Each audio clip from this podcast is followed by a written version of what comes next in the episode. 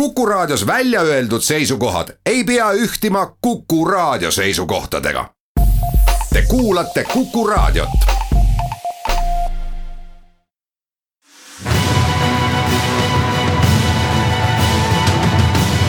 kaks ühes. tere, head sõbrad käes on teisipäev ja kella ühest kaheni, nagu ikka, on eetris saade Kaks ühes, mida juhib Vilja Kiisler. Ja nagu tavaliselt on selleski saates kaks tarka külalist, kellega me oleme jällegi ette võtnud päris, päris keerulised teemad. me ei luba teile, et me kõiki neid küsimusi viimseni ära lahendame. küll aga loodame, et saame pakkuda mõtlemisainet kõigepealt räägime praktilise eetika õppejõu Aive Pevkuriga sellest, mis on eutanaasia kuidas see võiks meisse puutuda ja missugused on selle nähtuse religioossed ja filosoofilised tagapõhjad. Saate teises osas kohtume Juhan Kivirähkiga Turu-uuringute aktsiaseltsist, kellega arutleme selle üle, kui palju tõtt võib kätte saada avalike arvamuste uuringutest ja arutleme ka selle üle, mis on teaduspesu. tere, Aive. tere.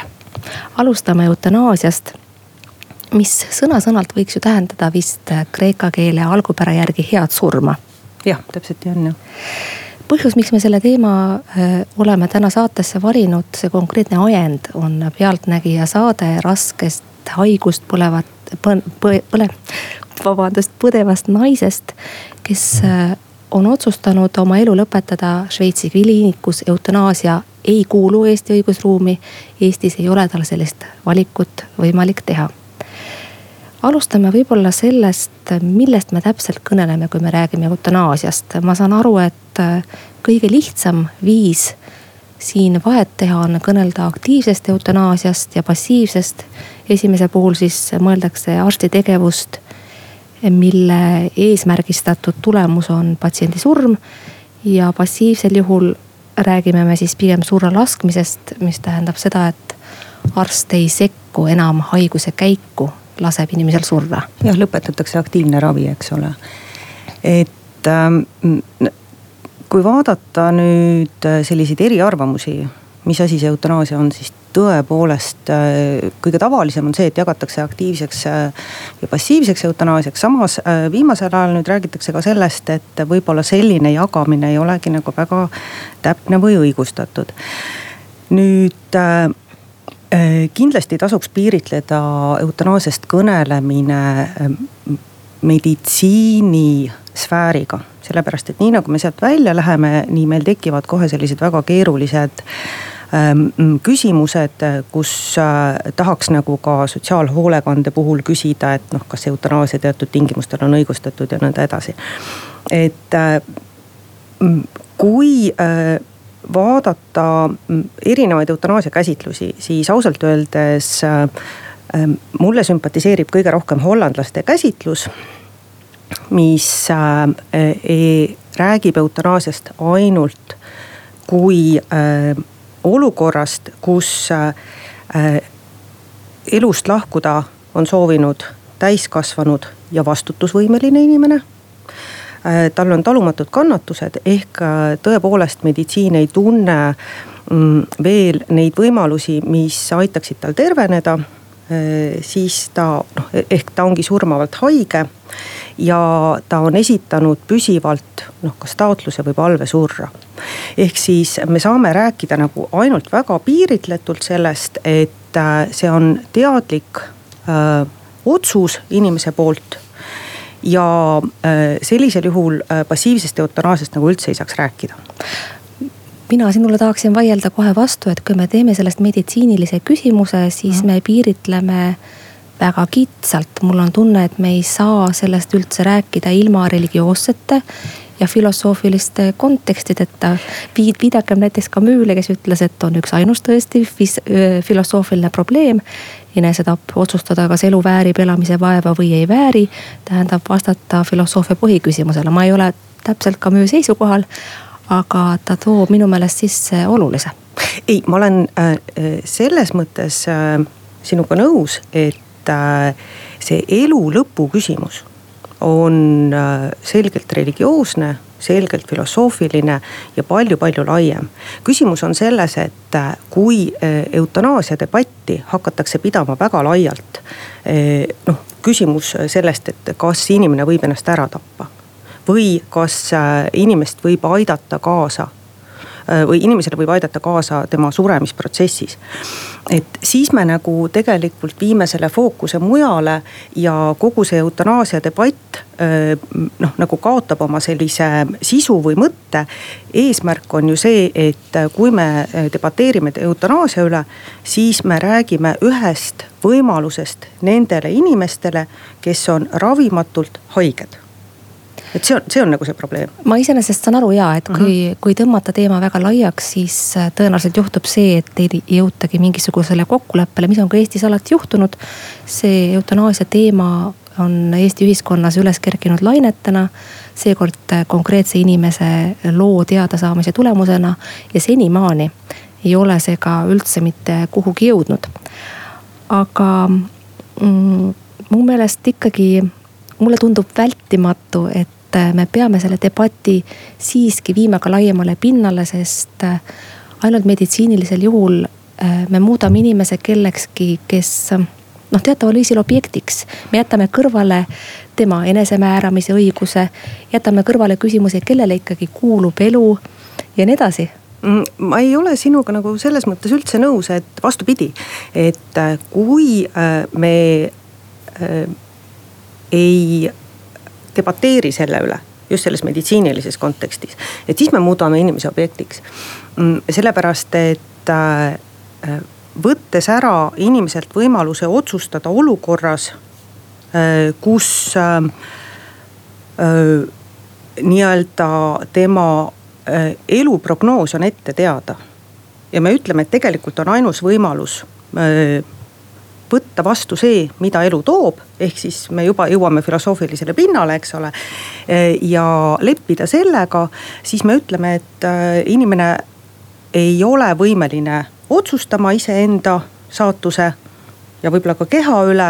ja seega võtame talt nagu selle autonoomse otsustamise ära, et, et äh, vaatamata sellele, et äh, tegemist on nii-öelda meditsiinilise, samas on see ka hästi filosoofiline debatt.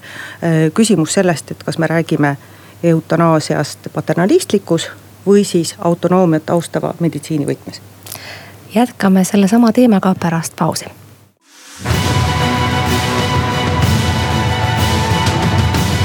kaks ühes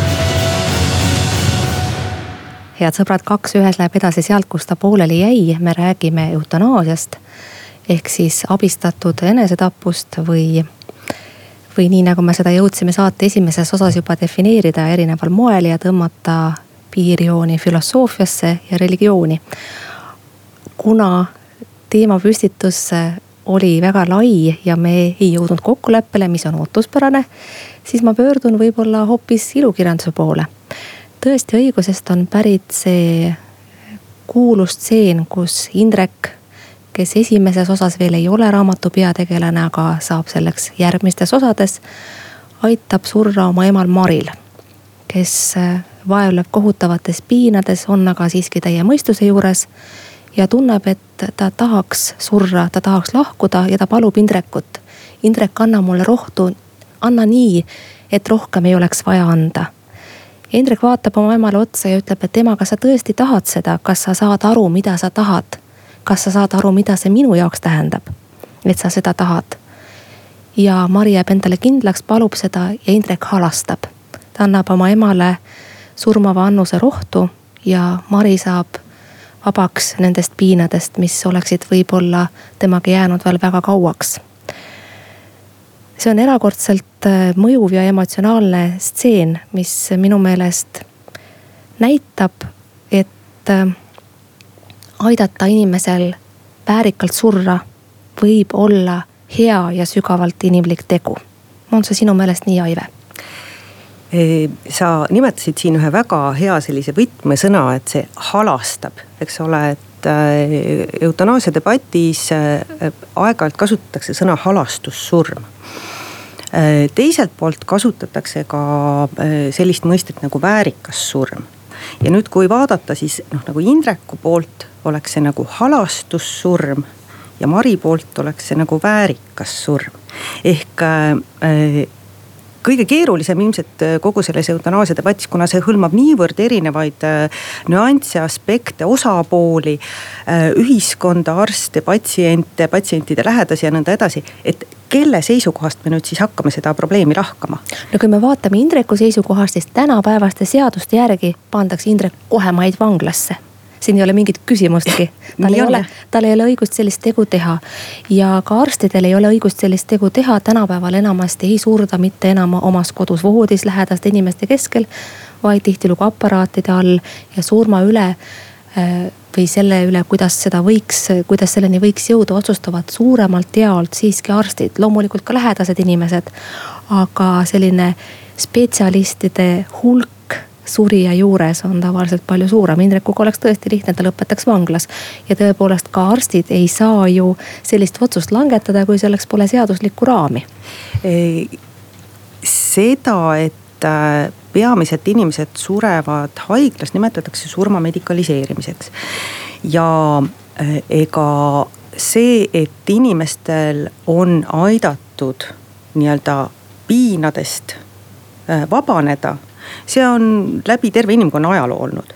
miks me sellest täna räägime, on seesama, et äh, see olukord on muutunud palju keerulisemaks. ta on võib-olla muutunud äh, noh, nii-öelda tehnoloogiliselt ka palju äh, äh, suuremaid võimalusi pakkuvaks. näiteks kui me räägime siin äh, mitte nüüd niivõrd eutanaasiast kui sellest assisteeritud enesetapust, siis seal on ju ka tehnoloogia äh, nii-öelda roll ja võimalus hästi suur. ja äh, minu meelest see debatt taandub ikkagi äh, väga suures osas sinna, mis on olulisem.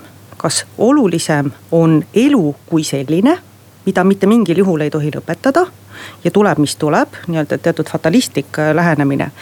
või äh, see autonoomia inimesel, noh haiguste puhul siis patsiendil ja võimalus väärikalt otsustada iseenda siis saatuse üle. ja ma tahaks veel ühe väikse nüansi siia juurde tuua. et äh, rääkida assisteeritud enesetapust, eutanaasiast äh, ja kogu sellest paketist ilma, et me osutaksime palliatiivravile ehk siis valu leevendavale ravile. või siis toetavale hospiitsteenusele, et see on natuke kitsas ja tõepoolest, et Margit Sutrop, eetikaõppejõud nagu sinagi, on viidanud samuti sellele, et me ei saa seda debatti üldse pidadagi, kui selline taastusravi ja palliatiivse ravisüsteem ei ole rahuldav. ja teataval määral on tal kahtlemata õigus, sellest võiks ju tekkida olukord, kus elust otsustatakse lahkuda eh, teatava kõrvalise surve najal või siis põhjusel, et elu mingil muul viisil ei ole elamist väärt selle inimese meelest, kes säärase otsuse teeb. ja vahel võib ju olla ka nõnda, et vähemalt Eesti ajakirjandusest mul on ette tuua üks juhtum, kus inimene on, kes on rääkinud soovist surra, on hiljem tervise paranedes leidnud, et äh, küll on hea, et midagi säärast ei võimaldatud mul teha, ma praegu enam ei taha e kõikide nende juhtumite puhul, mis meil on Eestis olnud ja mis on ka välismaal olnud, äh, on alati see, et äh, kui me hakkame tegema üldreeglit üksikute kaasuste põhjal. et äh, siis me saame teatud inimesi rahuldava lahenduse ja teatud inimesi mitterahuldava lahenduse, nii et see on alati minu jaoks üsna selline noh, nagu libe või ohtlik tee, et kui me võtame ühe näite ja ütleme, et, et sellisel puhul see töötas. Mm, mul tuleb kohe meelde siin äh, üks lugu Suurbritanniast, äh, kus äh, mitmete haiguste käes vaevlev meesterahvas, kes aeg-ajalt langes koomasse, tätoveeris omale rinna peale, et, et palun mind mitte elustada ja nüüd äh, meditsiinitudengitega seda olukorda arutades ma küsisin, et äh, mis te siis arvate, et mis siis on nagu õige teha. Äh, ja nemad ütlesid, et meie kui arsti kohus on igal juhul elustada. ja siis ma küsisin, et aga mida siis indiviid peaks tegema et kuidas ta veel peaks väljendama oma soovi või tahet. nii et siin on väga-väga keeruline olukord, absoluutselt. ja selles mõttes ma olen sinuga täiesti ühel nõul, et üksikjuhtumid ei ole siin need, mille põhjal me saaksime teha mingeid järeldusi ja kahtlemata ma ei sea sulle ka sellist küsimust, et äh, kuidas siis peaks, et kas ei või jaa, kas eutanaasia poolt või eutanaasia vastu. Äh, milleni me võiksime selles saates ehk jõuda, on sõnastada debati pidamise eeldused. minu meelest ühe debati pidamise eelduse ongi Margit Sutrop juba sõnastanud, et see peaks olema taastusravi, palliatiivse ravisüsteemi olemasolu mis äh, välistab selle võimaluse, et inimesed nii-öelda valedel põhjustel otsustavad elust lahkuda. ja teisest küljest äh, noh, tuleks ilmselt ka laiemalt mõtestada küsimus, mida siis ikkagi tähendab see enesemääramise õigus. ja millest me täpselt räägime, kui me räägime väärikast surmast. kas sa võiksid omalt poolt täiendada veel mõningate selliste põhiliste postulaatidega mida me peaksime silmas pidama, kui me seda debatti peame praeguses ühiskonnas või siis ka selle debati järgmises laines, mis paratamatult Eestis jälle ette tuleb? no võib-olla oleks siinkohal hea osutada ka eesti keeles John Wyatti kirjutatud ja eesti keeles ilmunud raamatule Elu alguse ja lõpu dilemmasid Mm, kus ta osutab sellele, et äh, kui me räägime õigusest surra, siis äh, siin on sisuliselt äh, nii-öelda viis erinevat tähendusvälja et esimene on siis õigus loobuda elu säilitavast ravist, kui see on kurnav või mõttetu. teiseks õigus keelduda elu säilitavast ravist, mis iganes põhjustel. kolmandaks õigus teha enesetapp ratsionaalsetel kaalutlustel, neljas õigus saada enesetapu sooritamiseks abi. ja viies õigus saada omal soovil arsti poolt nii-öelda äh, elu lõpetatud. ehk siis me peaksime nagu aru saama, et millest me nagu täpselt räägime. Äh, ja teine asi on see, et äh, tõepoolest noh, nagu küsida, et kuhu maani me siis selle inimese autonoomia lubamisega meditsiinisüsteemis saame minna ja võime minna. ja mulle tundub, et siin on küsimus ka selles, et, et kuhu maani me usaldame nagu inimest. see minu meelest on päris täpne määratlus ja lootmatagi, et me suudaksime selle kohta mingit lõplikku tõde välja selgitada. no lisame omalt poolt lõpetuseks veel ühe. et ähm, sellega seostub küsimus, kas kannatustel on mõte ja selle küsimuse ma jätan siinkohal õhku, ma ei lase sul vastata ja ei vasta ise ka. jäägu see selle teema lõpetuseks mõtlemise ülesandeks.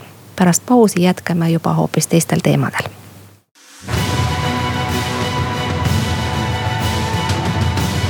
kaks ühes head sõbrad, kaks ühes läheb siitkohalt edasi, saatejuht on jäänud samaks, Vilja Kiisler on ikka stuudios, külaline aga on vahetunud. Aive Pevkuri asemele on tulnud Juhan Kivirähk Turu-uuringute aktsiaseltsist, tere tulemast. tere.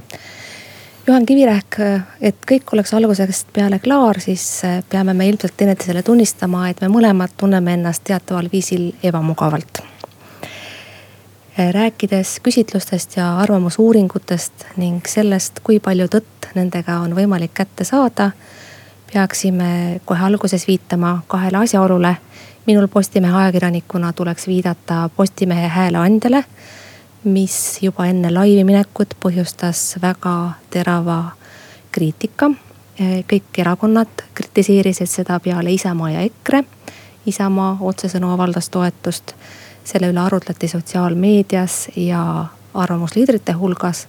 tänaseks on seda esialgset versiooni mõnevõrra parandatud ja ta on laivis, kõik saavad ise järele proovida, mida ta näitab ja mida ta ei näita.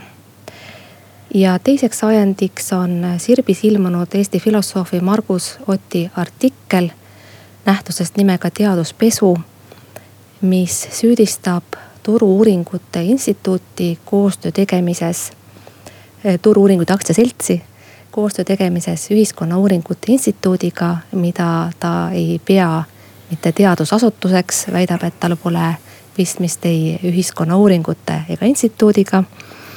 ja leiab, et see koostöö on häbiväärne.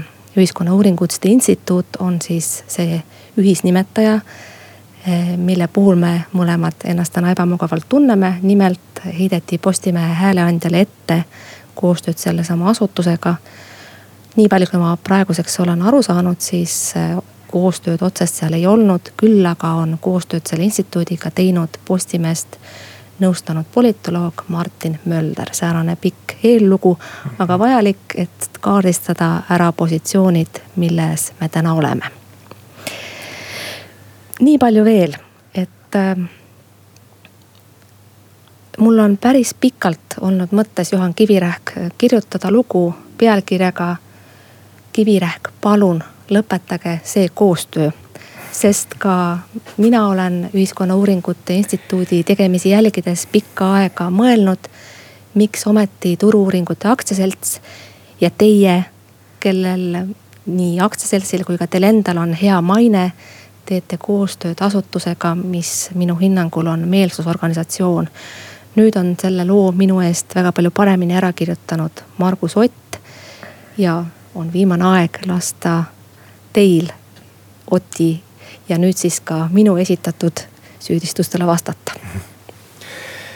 ja ei, mina tunnistan, et eh, mina ennast ebamugavalt ei tunne, sest et mul saab sel aastal täis kolmkümmend viis aastat eh, avaliku arvamuse uuringute tegemist.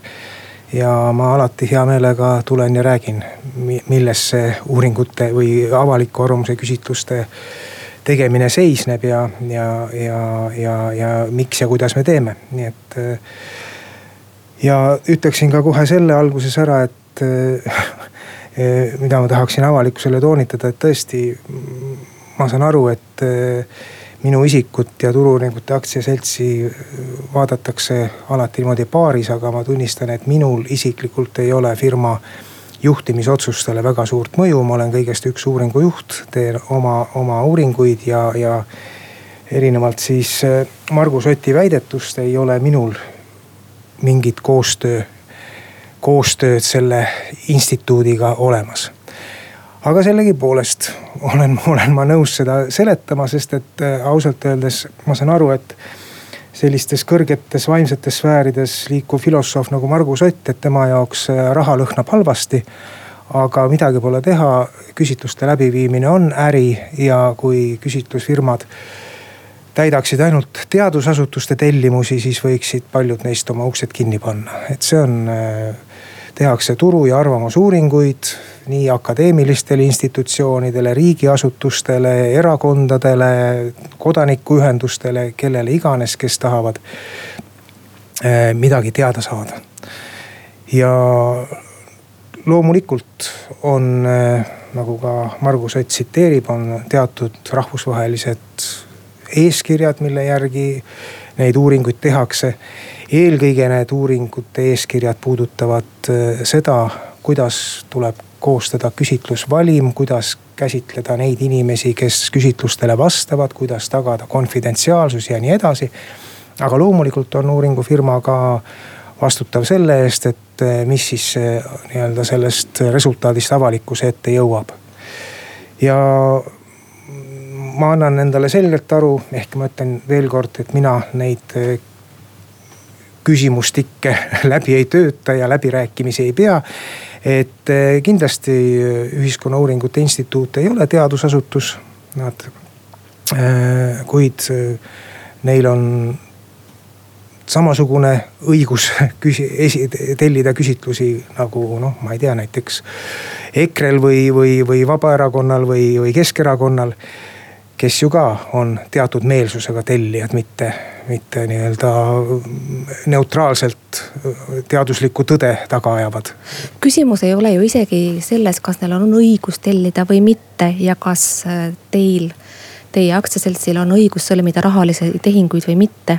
küsimus on pigem selles, et äh, üks on äh, ärimeeste poolt kinni makstud meelsusorganisatsioon, turu-uuringud siiamaani on ikkagi peetud ähm, noh, lugupeetud organisatsioonis, kes tegelikult nüüd kaudselt on sattunud sellesama Ühiskonnauuringute Instituudi agenda legitimeerija rolli ja siin ma näen juba küsimust. ma ei suuna seda küsimust isegi niivõrd teile, kui, kuna, kuivõrd te juba viitasite, et teie ei langeta üksi neid otsuseid ja sellest ma saan aru. aga kuna teie olete selle äh, asutuse kõige tuntum nägu väga lugupeetud inimene, kelle arvamus loeb, siis ma küsin ikkagi teilt, kuivõrd see on eetiliselt õigustatud teie hinnangul? sest äh, te teete, äh, te teete millestki midagi muud, te legitimeerite meelsusorganisatsiooni agendat, kui lühidalt kokku võtta. no ma ei, ma ei ütleks niimoodi, et me legitimeerime, loomulikult jällegi, kuna tegemist ei ole minu kliendiga ja, ja ma me, me firmas on kombeks, et teiste inimeste töömaale ei, ei liiguta, siis noh kindlasti on mõningate küsimuste puhul tekib, tekib probleeme.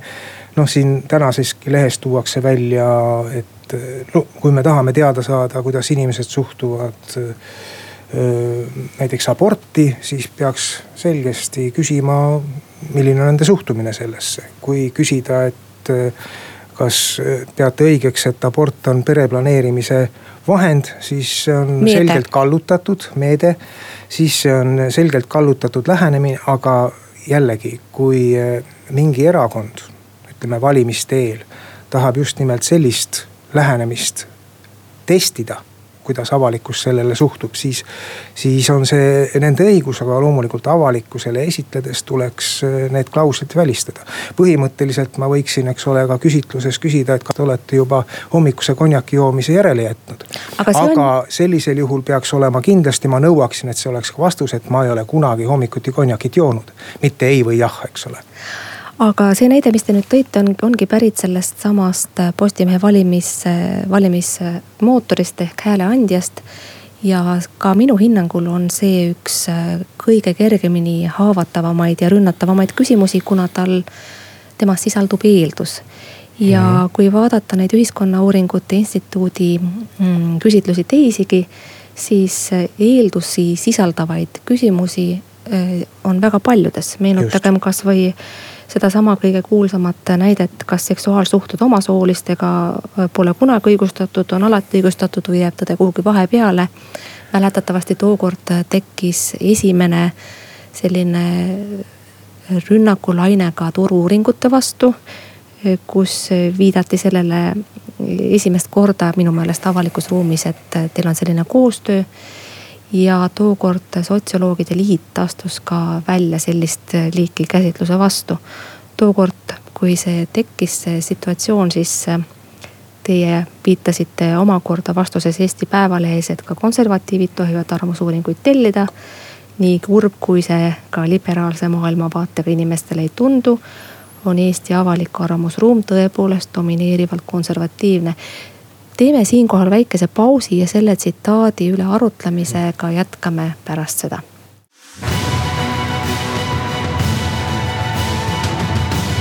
kaks ühes. head sõbrad, Kaks ühes läheb siit kohalt edasi koos Juhan Kivirähkiga Turu-uuringute aktsiaseltsist. ja enne pausi ma viitasin teie tsitaadile et ka konservatiivid tohivad arvamusuuringuid tellida, nii kurb kui see ka pole. on Eesti avalik arvamusruum tõepoolest domineerivalt konservatiivne, olete te kirjutanud. siinkohal ma meenutan neile, kes saadet võib-olla kuulavad nüüd poole pealt või lõpu pealt. et arutelu ajendiks on Margus Otti Sirbis ilmunud kirjutis milles Ühiskonnauuringute Instituuti, mis on meie aru, arutelude keskes, nimetatakse paremkonservatiivseks mõjutusrühmaks ja pahandatakse Kivirähki esindatava Turu-uuringute aktsiaseltsiga, et see teeb nendega koostööd. aga tagasi tsitaadi juurde jah, nii ma tõesti kirjutasin, sest et tegelikult see kriitika, mis vallandus pärast seda nii-öelda väärtusuuringut, kus oli kasutatud maailma väärtusuuringutest võetud äh, tunnuste plokki kus täpselt samuti on küsimus homoseksuaalsuse kohta. siis, siis see ei olnud päris, ma arvan, asjakohane, tõesti meid kritiseeriti, et me tegime ettepaneku sõna homoseksuaalsus asendada siis sõnadega seksuaalsuhted samasoolistega, aga, aga noh, see ongi selline keeruline teema, et et sõna homoseksuaalsus võib-olla paljudele vastajatele ei tarvitsegi midagi ütelda. mul tuleb meelde üks sketš, kus äh, Ott Sepp ütles vanaemale, et ta on homo ja vanaema küsis, et kas sa siis nüüd enam liha ei söögi või. et äh, selliseid äh, noh, kui me, kui me eeldame, et ühe avaliku arvamuse uuringus esitatud ühe küsimuse me suudame niimoodi lahti mõtestada, et ta on kõikidele elanikkonnagruppidele üheselt arusaadav, noh.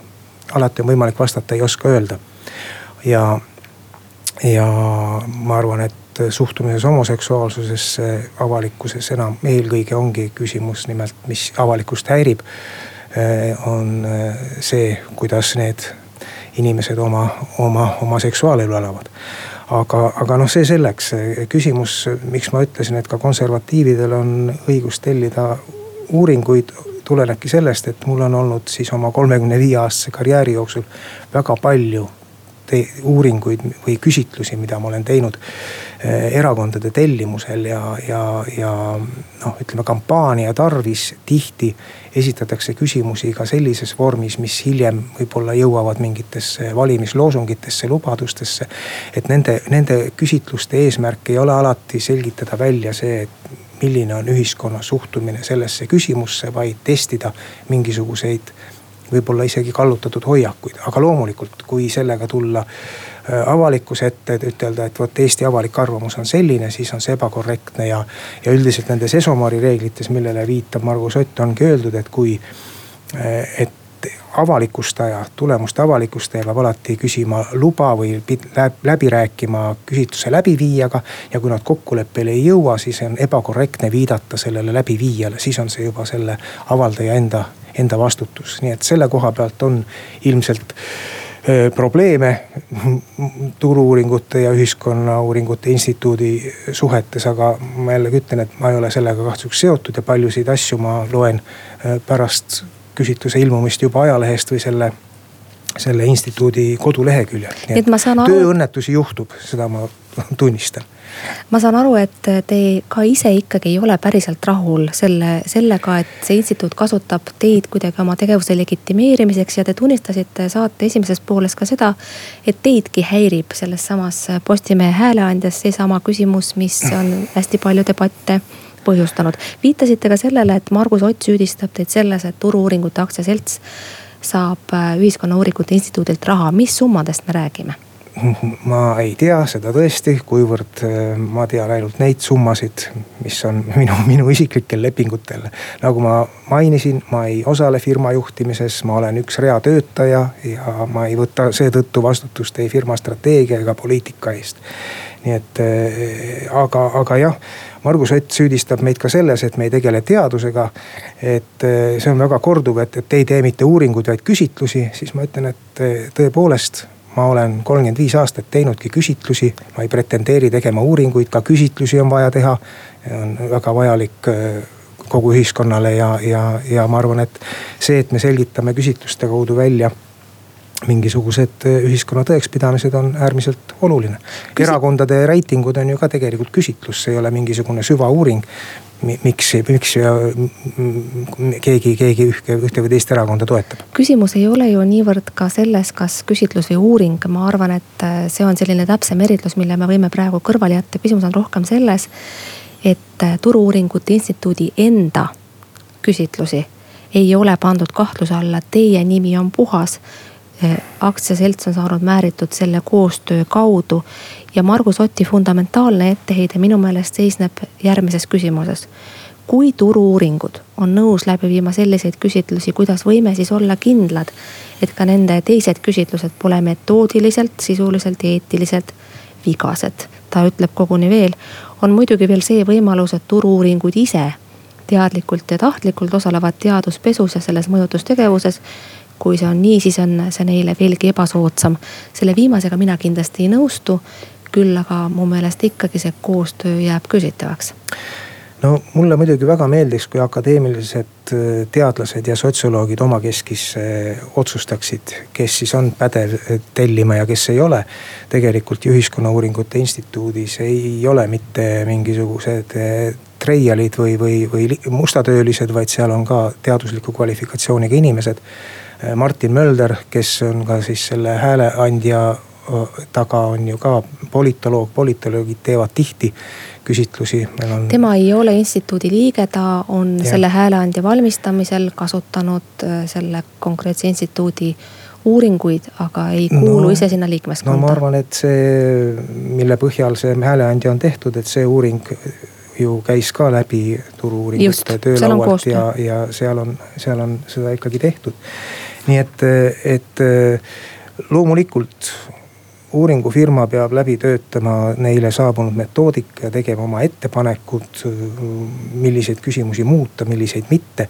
aga samas me ei saa võtta endale vastutust, et me tunneme seda teadusmetoodikat, millega see akadeemiline küsitle- või institutsioon meie poole tuleb, et me teame, et mis tähendus sellel igal küsimusel on ja kuidas seda lõppkokkuvõttes analüüsitakse et meie lähenemine on see, et esitatakse küsimus, kas küsitlejal on sellele võimalik vastata ja, ja kas seal on nagu kõikvõimalikud vastuse variandid olemas.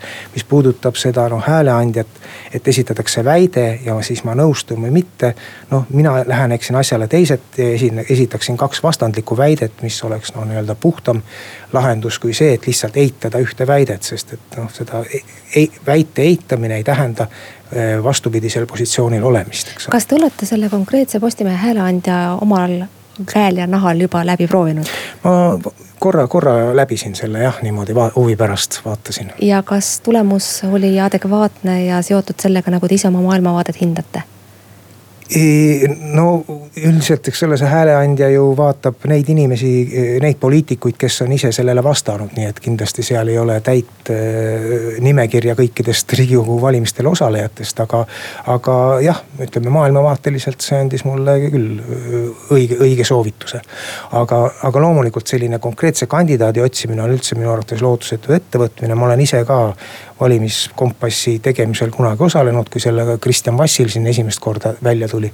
ja, ja ma arvan, et ikkagi otsima peab neid erakondade programmides olevaid lahknevusi ja, ja mitte, mitte konkreetse isiku maailmavaadet, et ma ei tea, selle lemmikkandidaadi otsimiseks on minu arust Tinder olemas kui veel äh, hästi lühidalt puudutada sedasama hääleandjat ja konkreetset küsimust, millele te viitasite kohe alguses, seesama abordi teema mis äh, käsitleb aborti pereplaneerimise meetmena selles konkreetses küsimuses.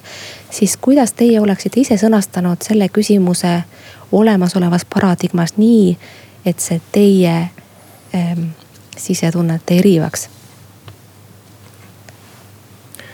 no tegelikult see ongi võetud sellest samast maailma väärtusuuringust, et kas inimesed peavad aborti õigustatuks või mitte siis sellise skaalaga, et, et see on alati õigustatud, mingitel tingimustel õigustatud, mitte kunagi õigustatud, et see on kahtlemata selline eh, positsioon, mis maailmavaadet eristab ja, ja me teame noh, mis on ka konkreetseid erakondi antud juhul eristab, eks ole, kui me teame, et konservatiivsed erakonnad on, on sellele põhimõtteliselt vastu ja liberaalsed erakonnad pooldavad aga, aga jah, et sellele on pandud külge, et see on nii-öelda pereplaneerimise meede, siis see, see annab nagu asjale natukene teistsuguse eh, nüansi, et, et vaevalt, et enamik eh, inimesi, kellel see tuleb aborti teha, seda vaatleb kui pereplaneerimise meedet, vaid pigem ikkagi sellist eh, hädajuhtumit.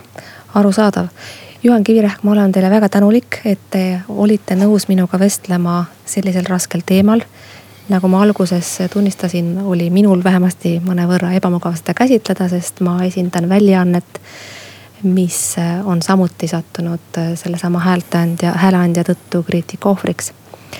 head sõbrad, mul on hea meel, et te meie saadet kuulasite, kui te kuulasite poole pealt ja mitte algusest, siis kuulake saate esimest poolt, kus me kõnelesime Aive Pevkuriga eutanaasiast järele Kuku raadio arhiivist järgmine Kaks ühes on eetris juba nädala pärast. saatejuht on siis sama, saatekülalised aga hoopis teised. Kuulmiseni, nägemiseni.